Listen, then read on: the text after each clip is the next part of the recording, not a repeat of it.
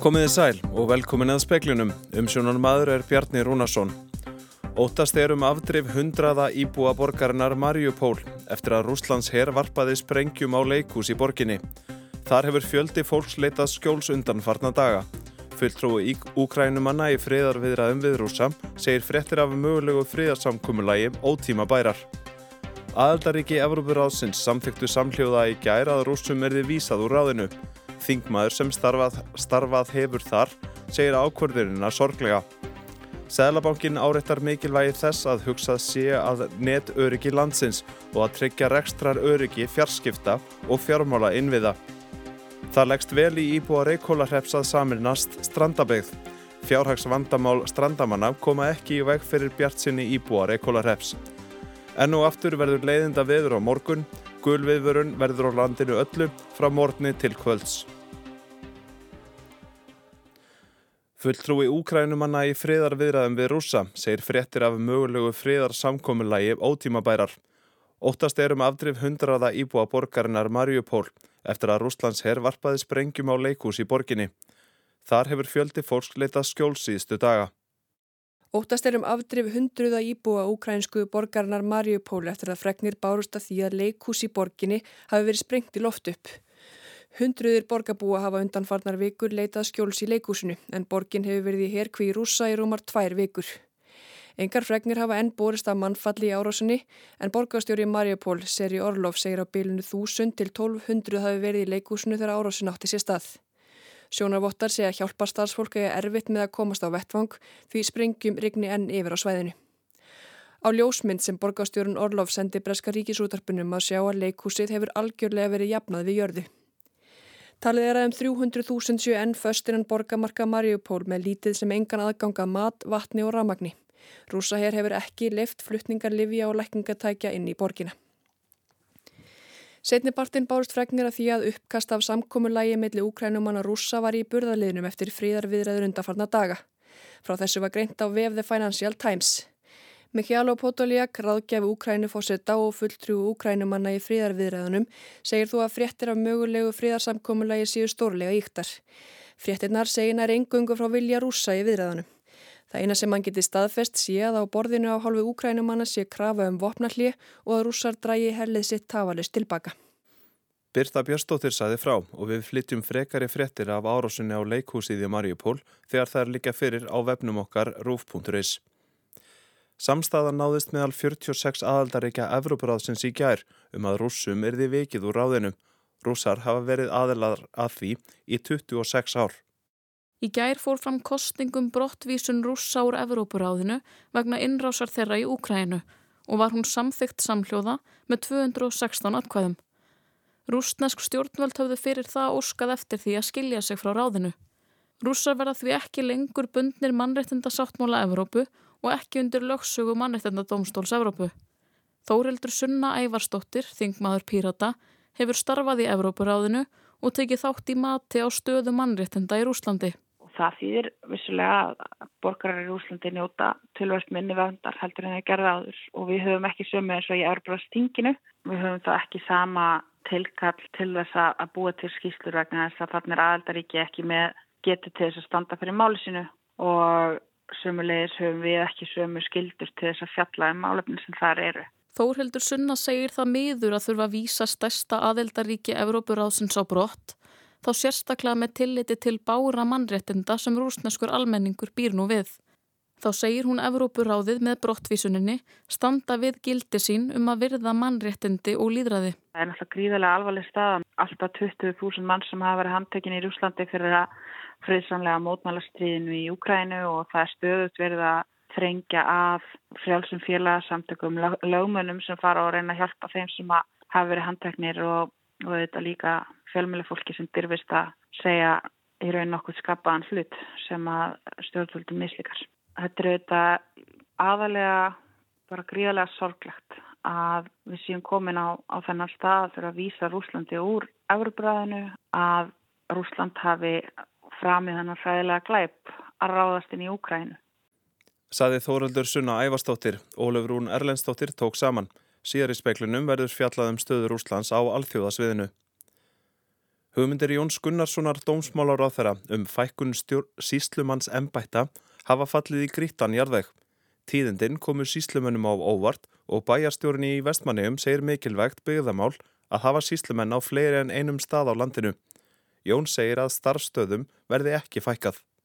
Þetta er nú bara hluti á því að við erum í gagjar uppstokkun á þessari þjónustu við landsmenn sem að síslum að sembættin veita. Stafræn vegferð hefur uh, gefur okkur tækifæri til þess að uh, breyta mjög og auka þjónustuna við landsmenn hvar sem þeir búa. Þannig getur einn starfstöð uh, sem er síslumadur í dag verið að sinna landstekkandi verkefnum til þess að þessi landamæri á milli síslumanna að hverfa.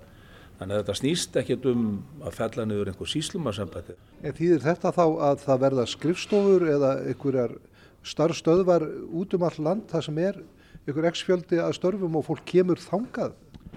Við erum með 24 starfstöður í dag.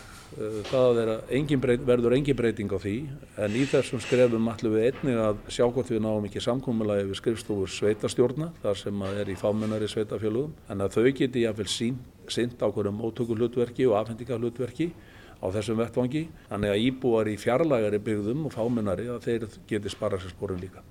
Segir Jón Gunnarsson, Haugur Holm talaði við hann. Ókn við netöryggi er vaksandi vandamál og fjármála innviðir fara ekki varhluta af þeirri þróun. Í kjölfara innrása rúsa í Ukrænu hefur tilraunum til netarossa fjölkað. Fjármálafyrirtæki þurfa að vera undir þessa hættu búin og huga að öryggi kerfa sinna. Fjármála stöðuleika nefnsalabókars áréttar mikilvægi þess að hugað síðan netöryggi landsins og rekstrar öryggi fjarskipta og fjármála innviða. Já, það hefur verið þannig að undanfærin ár net, hafa netárásir farið vaksandi og áhyggjur okkar af netöryggi hafa líka farið vaksandi.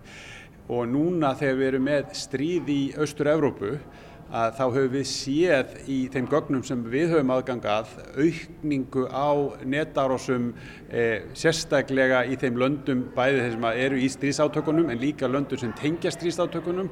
Þannig að þetta er eitthvað sem við þurfum að fara að hugsa miklu meira um. Og hérna kem, komum við inn á samband fjarskipta og fjármála. Einviða. Allir fjármála einviðir í landinu, bæði innanlands, greiðslumilin innanlands og líka greiðslumilin um útlönd fer um fjarskipta einviðina og ef að þar verði einhverjar trublanir eins og við sáum til að mynda í fyrra haust, þegar að í september í fyrra þegar að e, það voru árásir á greiðslukorta innviðina og þar lágu niður í greiðslukorta, það var ekki hægt að nota greiðslukort í hérna 1-2 tíma í september. Þetta var Gunnar Jakobsson, var að Sælabankastjóri. Arnar Björnsson talaði við hann. Sveitastjóri í Reykjólarreppi segir hreppsbúa jákvæða gagvart saminningu við nágranna sína í strandabegð. Fjárasörðuleikar hjá strandamönnum er ekki litið sem vandamál að svo komnu máli. Mörg sveitarfjölög þreyfa nú fyrir sér um saminningar sín á milli. Þeirra á meðal eru Reykjólarreppur og strandabegð sem eru í óformlegum viðræðum. Eitt fundur hefur verið hjá sveitarstjórnum sem Ingi Björg Byrna Erlingsdóttir sveitarstjóri í Reykjólarreppi segir hafa gengið vel. Sveitarfélögin eru nú þegar í miklu samstarfi. Við höfum verið í samstarfið með félagsmálinn og við erum í samstarfið með þessum dölum með hérna byggingaföldru og skipilagsföldru og nú síðast slökkulistjóran.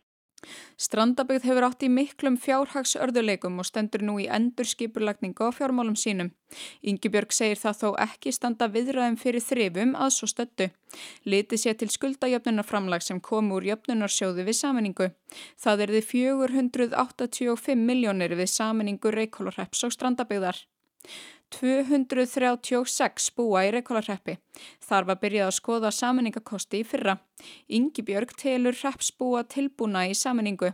Við erum náttúrulega nátengt fólkinu hérna kringum okkur í Ávónavík og jafnvel í dölunum og þannig að mér finnst bara að það vera svolítið mikið jákvæðinni takkast í að saminast þetta dagana.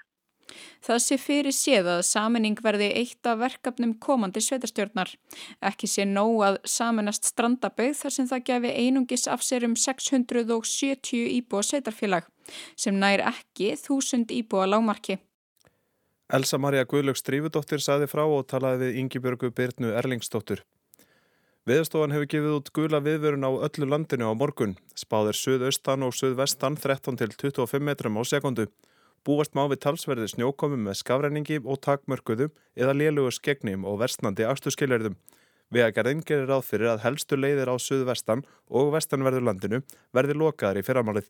Í speiklinum í kvöld fjöllum við um stöðu Rúslands á alþjóðasviði stjórnmála, bæði nú og þegar stríðs átökum líkur. Fjöldi barna er á flótta og staða þeirra er viðkvæm. Fólk á flótta hefur ákveðin réttindi sem þarf að ganga úr skugga um að séu virt, nú þegar ströymurinn er stríður frá Ukrænu. Við höldum okkur á svipuðum nótum í setinhlutanum en beinum sjónum okkar til Norex, þar sem stjórnvöld hafa verið gaggrind fyrir aðgerða leysika hvert rúsum. En fyrst þetta.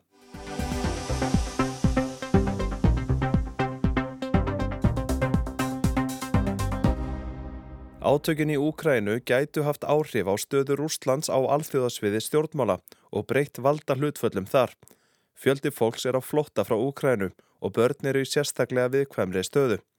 Réttindi þeirra er löð til hliðar og rött þeirra er veik. Rúsum var í gær vikið úr Evrópuráðinu þar sem til að mynda mannrættinda domstólinn er hýstur. Rúsar hafa tekið takmarkað mark á dómum hans og mikill meiri hluti mála sem þangað rata snúaða rúsum og stjórnvöldum þar. Í dag var haldið málþingi Háskóla Íslands um stríð, mannrettindi og líðræði. Hvaða máli skiptir alþjóða samvinna? Speilin rætti við framsögumenn, fyrst Kára Holmar Ragnarsson, lektor við lagadeilt HÍ og spurðum hann hver staða rúsa á alþjóða stjórnmálasviðinu verður og hver hún er í dag. Og það við vitum í rauninni ekki svari við henni eins og er að það sem er að gerast er að hérna, það eru flestir flestir ríkir út að taka þá afstöðu og rússar séu uh, að brjóta reglu þjóðarættarins og uh, er að bregðast viðurinn í samræmi við það þar sem beita efnaðstvingunum og öðrum aðgjörum til þess að, hérna, bregðast við þeim, þeim brotum.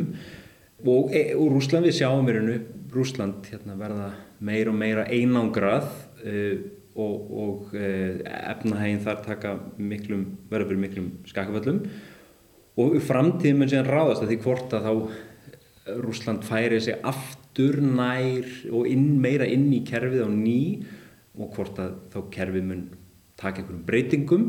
Og það er kannski fyrst og fremst að, að horfa á þessa sérstöðu sem Rúsland og, og fjörunríki njótað með því að hafa neitunumvaldi í öðrugisöðu saman í þjóðana Eh, og líka svona heilt yfir þetta svona ákveðna ójefræði sem er í, í, í kerfinu. Eh, eða þá hvort að Rúsland mun fara ennþá lengri í hináttina verða ennþá meira einangrað og ekki taka þátt í kerfinu. Síðasta sem við sáum gerast var að Rúsland er að fara út úr og er að vera að reka Rúsland úr Evrópuráðinu sem er einmitt þá frekar aðgeri þá átt að Rúsland sé að færast fjær þessum kerfum sem við eigum. Hvað þýðir það fyrir mál sem eru þegar komin inn á inn á borð mannrættitadómstólsins og til framtíðar um meðanlega slíkra mál Já, e, það er mitt Európaráði skiptir mestu máli varandi Európaráði að þar býr e, mannrættarsamfélag Európu og domstólinn í Strasbourg og Rúsland hefur verið varnar að í lang, lang flestum málum allra ríkja fyrir, fyrir domstólum um margra ára skeið. En hefur fló, aft, átt flókið samband við domstólinn og hefur ekki, ekki virt alla dóma domstólsins stóðið séu sko bindandi, lagalega bindandi. Og þannig að var svona búin að myndast talsverð gjá á milli Rúslands og domstólsins nú þegar. Þetta er þá bara hérna, áframhaldi skrefið því að rauninni gerðist að þannig að Rúsland lísti því fyrst yfir að, að þeir ætluði að ganga út úr Európaráðun og þá uh, tók í rauninni ráðið fram fyrir hendunraðum og, og, og, og rakað út. Það er að verður til þess að, að þetta aðhald sem að þó við, við sáum að það var einhver staður þar sem að e, almenningur í Rúslandi og þeir sem að unna mannrettundum í Rúslandi til dæmis gáttu farið og fengið endurskoðunum málum sínum, kakvart stjórnvöldum, að sá vettfangur er þá horfin og, og hversu mikil virðingi sem að var orðin og alltaf síðustu árum að hann er alltaf ekki lengur til staða og við erum að sjá þetta að Rúsland er að fjarlægast kerfinu en þó meira. Og það er einu óljóst í mínum huga hvort að það séu sko, góðar að slæmar fréttir en að sjálfsögðu hef ég sko, fulla skilning á því að eins og máli leit út þá hafði það verið bara þessa heimil til þess að vísa þeim sem að brjóta alveglegum hætti gegn mannrættindum út úr ráðin og það svo staða e, var uppið að mati þessar ríkja. Rúsar eru náttúrulega stórir leikmenn á þessu alþjóða sviði og hafa neitunarvaldi í öryggisraðinu til að mynda Geti þetta breytti ykkur hvað það var þar að ríki hafi slíkt neitunarvald? Geti það bara breytti? Það hafa verið hugmyndir um lengri tíma um að reyna að, að e, endurmóta öryggisáðu með einhverjum hætti. Það verið hérna, hávarar hugmyndir um að stækka ráði þannig að, að þau ríki sem hafa sett, orðið ja, upplugri núna í setni tíð, Indland, e, Brasilia og fleiri ríki myndu fá kannski fast sæti og e, ráðum myndu stækka fleiri sæti sem eru rótirandi og þá að einhver leiti er því hérna, dreyið úr þessu neitunumvaldi eða það eitthvað neginn hamið með einhverjum hætti. En þær hugmyndir hafa svo sem aldrei komið til framkvæmda og spurningina þá er, er líka að það gerist í framtíðinni. Og við svo sem veitum það ekki sko neitunumvaldi var að einhverju leiti alltaf forsenda fyrir því að Rúsland tæki þátt í saminni þjóðunum. Allt frá hérna, samningunum í alltaf þá láð það alveg fyrir að, að hérna, Sovjetríkin yrðu ekki með nema þetta neitunumvöld væri til staðar. Ég held að Rúsland mun ekki breyta þeirri afstöðu sinni. Og það er bara spurningið mitt hvernig, hérna, hvernig kerfið mun, mun takast á við það og reyna að halda einhvern veginn áfram að búa til, búa til eða endur móta þetta kerfið til framtíðar. En getur þér farið úr örgisöðun til dæmis?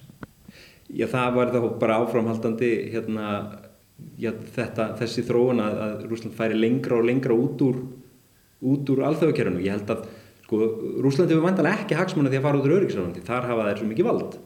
E, á meðan hérna, í öðru, öðrum kerfunum þess að þeir hafa verið að fjarlæga sig er það einmitt vegna þess að þeir, þeir hafa ekki endilega stjórnina. Það er allavega staðan í Európaráðinu. -hmm. Þetta kerfi allt saman, þetta er náttúrulega byggt á í, í kjölfar setni heimstrialdar og, og ætlað að, að koma í veg fyrir það að slíkt endur takir sig. Hvernig hefur það staðist þetta að svo má segja áhlaup? Já, sko við skulum ekki gleyma því að, hérna, að megin reglan í kerfinu er að stríð er bannað og það er mjög mikilvæg regla, hún var ekkert alltaf til staðar að hérna, það voru mörgundur ári í alþjóðkerfinu þar sem að stríð var bara eh, lögumætt leið til þess að leysa úr ágreiningi millir milli ríkja. Uh, og við erum ekki á þeirri línu í dag, það eru mjög þraungar undatengar fyrir því að stríð sé löglegt. Eh, en þessar reglur sem ná ekki, ekki fullri framkvæmt þegar hérna, til dæmis Úsland á í hlut eða eitthvað sem hérna, fimm ríkjum aðalega þegar þau eigi hlut. Og við, ég held að við vitum ekki svarið hvort, ennþá hvort að, hvort að hérna, þetta sé áhlaup á kerfi. Það er í vissuleitum á að segja að það sé mikil samstaða innan kerfisins, það er mjög stór meiri hluti ríkja sem að fordæmir þessi stríðs þessi stríðsregstur og, e, og er að grípa til aðgerða, efnaðsaðgerða til þess að, að hérna, bræðast við þeim. E, þannig að einhverju leiti, ef maður horfður frá því sjónarhóli, má segja að kerfið sé að virka. En ímis önnur úrræði sem, að, sem eru til staðar eins og til dæmis dómstólar sem hafa lögsögu yfir einstaklingum, e, það er svona ekkert sérstaklega líklegt á þessum tímpunkti að þeir nýtist í þessu varandi þessi átök allavega ekki gagvar þeim sem eru allra valda mestir í, í Rúslandi. En þrýstingurinn hann kemur náttúrulega frá ríkjum sem að hafa já, verið þínum einn við borðið.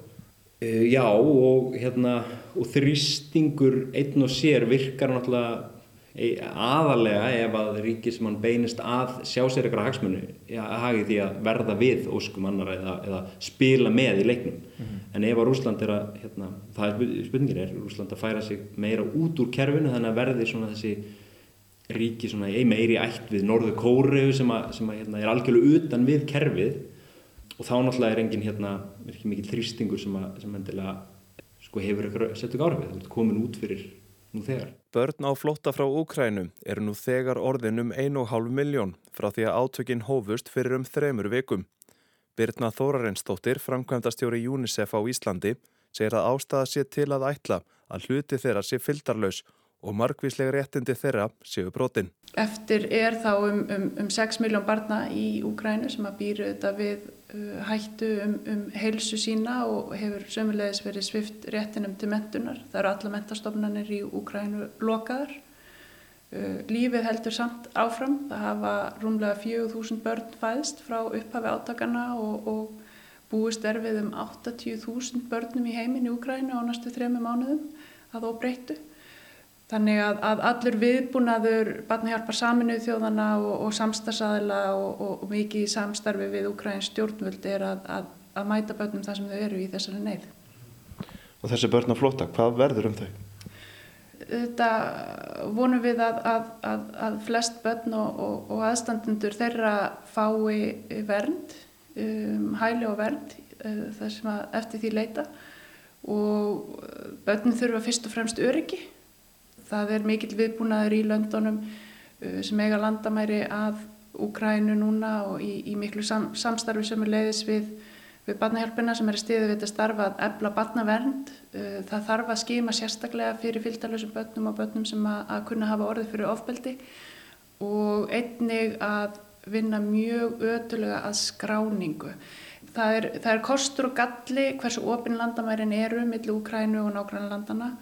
Uh, það kostur vegna þess að það, það auðveldar flæðið út en það er galli vegna þess að við vitum ekki hverjir eru á, á, þar á ferðinni Þetta er sérstaklega hættulegt með börnin sem að, að geta þá einfallega fallið millir skips og bryggju og ekki vitað um uh, hver örlög þeirra verða. Þannig að það er mikil áherslu að lögða það að tryggja skráningu allara sem fara í gegn og, og sömulegis að vinna ötulega að fjölskyldurakningu og fjölskyldusamvinningum. Þetta náttúrulega litar þeirra, þeirra lífa að hafa upplifað þessi, þessi átök svona ef maður horfður aðeins fram í tíman hvað þarf að hafa í huga fyrir þessi börn?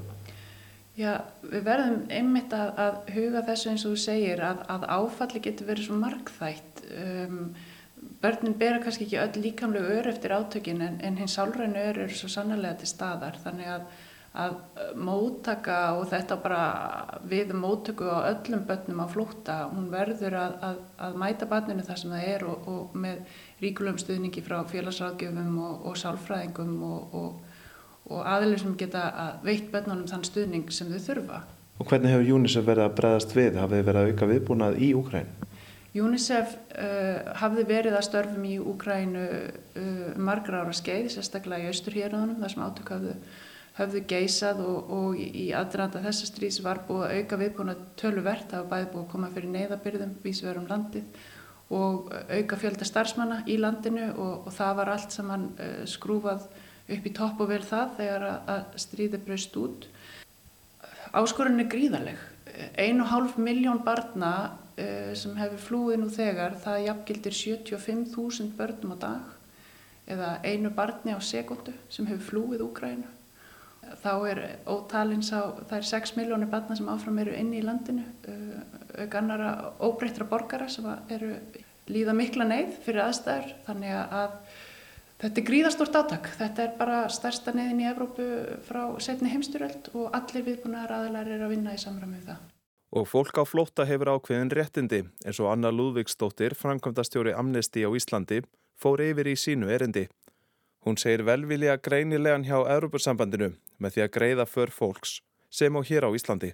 Vissulega fögnum við þessari samkend sem við finnum núna vegna strísins í Úkrænum en aftur þá leggur Amnesty áherslu á það að, að slík samkend byrtist líka þegar fólk flýr frá öðrum uh, heimslutum.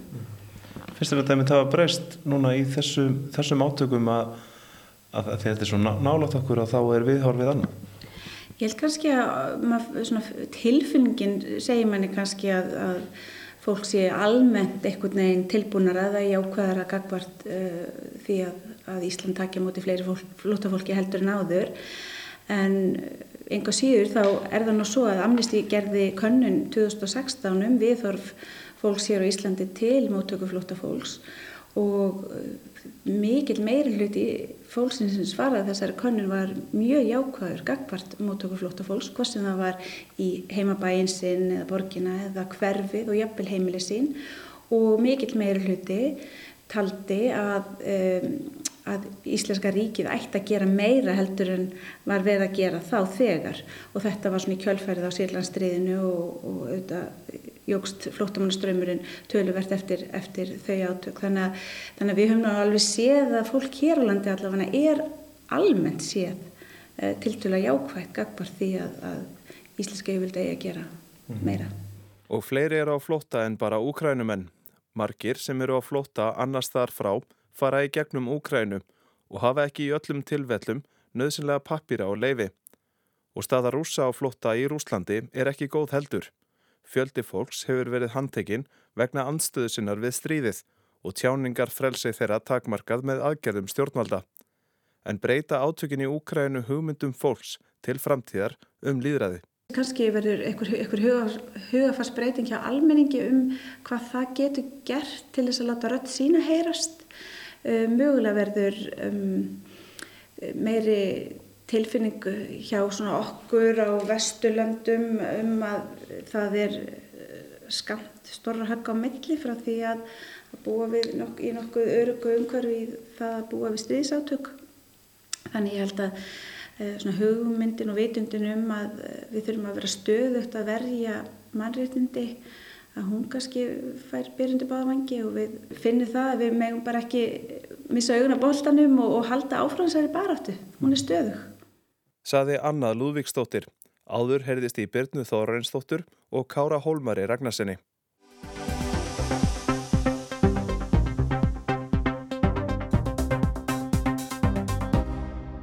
Æ oftar sést í norskum fjölmiðlum gaggrinni á stjórnvöld fyrir að fylgja lít eftir refsiaðgerðum gegn rúsum vegna stríðsins í Ukrænu. Þetta á til dæmis við um fiskisamvinnu rúsa og nordmanna í Barentshafi og þjónustu við rúsneska tógara. Þar verður allt óbreytt. Fleiri dæmi eru tiltæk. Gísli Kristjánsson fyrir yfir stöðuna. Gaggrinni hefur komið úr ímsum áttum og spurningar en gagnir ínendum finnst sem lítið gangi í að bregðast við refsi aðgerðum gegn rúsum vegna einrásar og stríðs í Úkrænu. Norðmenn hafa sem aðrar vestrannar þjóðir samanastum að beita rúsa hörðum efnagsþvingunum og raunar menningarlegum líka. Sergei Lavrov, utanækisráð þeirra Rúslands, hafði verið gerður að heiðurstoktor við háskólan í Tromsö fyrir 11 árum en var nú í upphafi stríðs sviftur nafnbótinni og beðin vel að lifa án hennar. Ekki er vitað um viðbröð ráðarhans. Og norðmenn hafa átt ríkan þátti að útlöka rúsnest og hvít rúsnest íþrótafólk frá alþjóðamótum meðan stríði stendur. Þetta á sérstaklega við um rúsnest skíðafólk sem var meinað að taka þátt í loka móti heimsbyggarkeppninnar í göngu í drammen á fyrstu dögum stríðsins. En svo hafa aðrir þættir refsi aðgerða gengið tregar. Þar hafa samskipti við rúsa um fiskveðar í Barentshafi vakið mest aðtikli. Ákveðið er að rúsneskir tógarar fái sem fyrir alla þjónustu í norskum höfnum, enda mikilvægir hagsmunir í húfi þegar kemur að samnýtingu fiskistofna þar norður frá. Norska ríkisútvarpið NRK hefur bent á að á Íslandi hafi verið lokað fyrir slíka þjónustu en hið sama vefjist fyrir norðmönnum. Björnar Sjaran, sjávarútvegsráþara Noregs, hefur sagt í skriðlegu svari til NRK að ekki standi til að loka norskum höfnum fyrir úsneskum tókurum, enda viðu kenta miklir hagsmunum séu húfi. Þó er tekið fram að ef Európusambandið ætlar að loka fyrir komur úsneskara tókara munu norðmenn endur meta afstöðu sína í ljósi þess. Þarna er beðið eftir ákverðunum frá Brussel. Sama staða er uppi varðandi stóra rúsneska listisnekju sem um tíma hefur leigið í höfnin í Narðvík í norðun Noregi. Snekjan heitir Ragnar og er í eigu auðmannsins Vladimir Stralkovski, sá er fyrrum félagi nafnasins Pútins fósetta úr KGB og síðar áhrifamaður í stjórnmálum og viðskiptum rúsa. Norski totlurinn hefur einu sinni farð um borði í skipið en ekkert fundið aðtúa verð. Heimamenn í Narvík og raunar víðar í Noregi hafa hins vegar förðað sig á að snekkjan Ragnar likur óhreyfð í höfninni. Aðurar þjóðir, þar á meðar ítalir og frakkar, hafa handlagt slíkar snekkjur. Heimamenn halda því fram að þetta sé njóstnaskip og ætlaði fylgjast með flota og flota æfingum við norður Noreg en engar sannanir eru fyrir því. Af hálfu norsku ríkistjórnarinnar er sagt að Evrópusambandið hafi enn ekki sett eigandan á svartan lista og því ekkert hægt að gera meðan beðið er ákvarðana frá Brussel. Vilji hafnarverkamanna í Óslo endaði á sama stað þegar þeir vildu stöðva stort fluttningaskip hlaði áli frá Rúslandi og eigu auðmanns úr vinahópi Pútins. Þar skorti allar heimildir í reglur um að stöðva skipið sem kom, losaði farminn og fór. Álið fór í úrvinnslu í verksmiðu í Raufoss, norðan Óslóar. Formaður samtaka fyrirtæki í málmiðnaði saði reyndar að aðgerðir að þessu tægi var allt og dýrar fyrir þiðnaðin. Núna hefur Erna Solberg fyrrum fórsættisráþara Noregs bæst í hópi þeirra sem gaggrína framkvæmdin á viðbröðum við stríðunni í Úkrænu.